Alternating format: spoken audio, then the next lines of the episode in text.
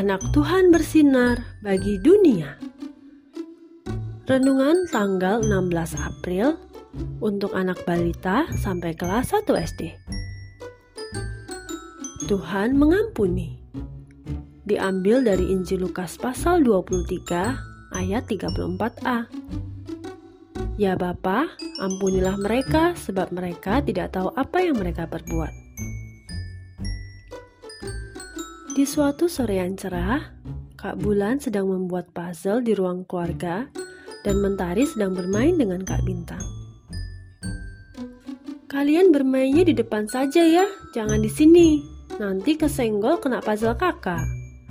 Kata Kak Bulan memperingati mereka. Ayo Kak Bintang, coba tangkap aku. Seru Mentari sambil tertawa. Awas ya, nanti aku tangkap ya. Sahut Kak Bintang. Kemudian,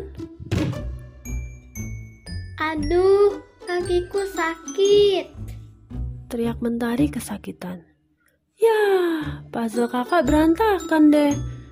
Kan tadi Kak Bulan sudah bilang mainnya di depan saja, tapi kalian malah main di sini. Terus sekarang puzzle kakak berantakan karena Mentari yang jatuh tersandung kaki meja. Ujar Kak Bulan dengan kesal.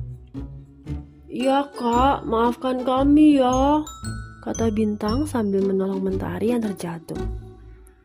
Lalu kaki Mentari bagaimana? Apakah terluka? Tanya Kak Bulan. Enggak apa-apa sih, hanya sakit sedikit aja. Jawab Mentari. Maafkan kami ya. Kak Bintang, yuk kita bantuin Kak Bulan membuat puzzle-nya. Kata Mentari.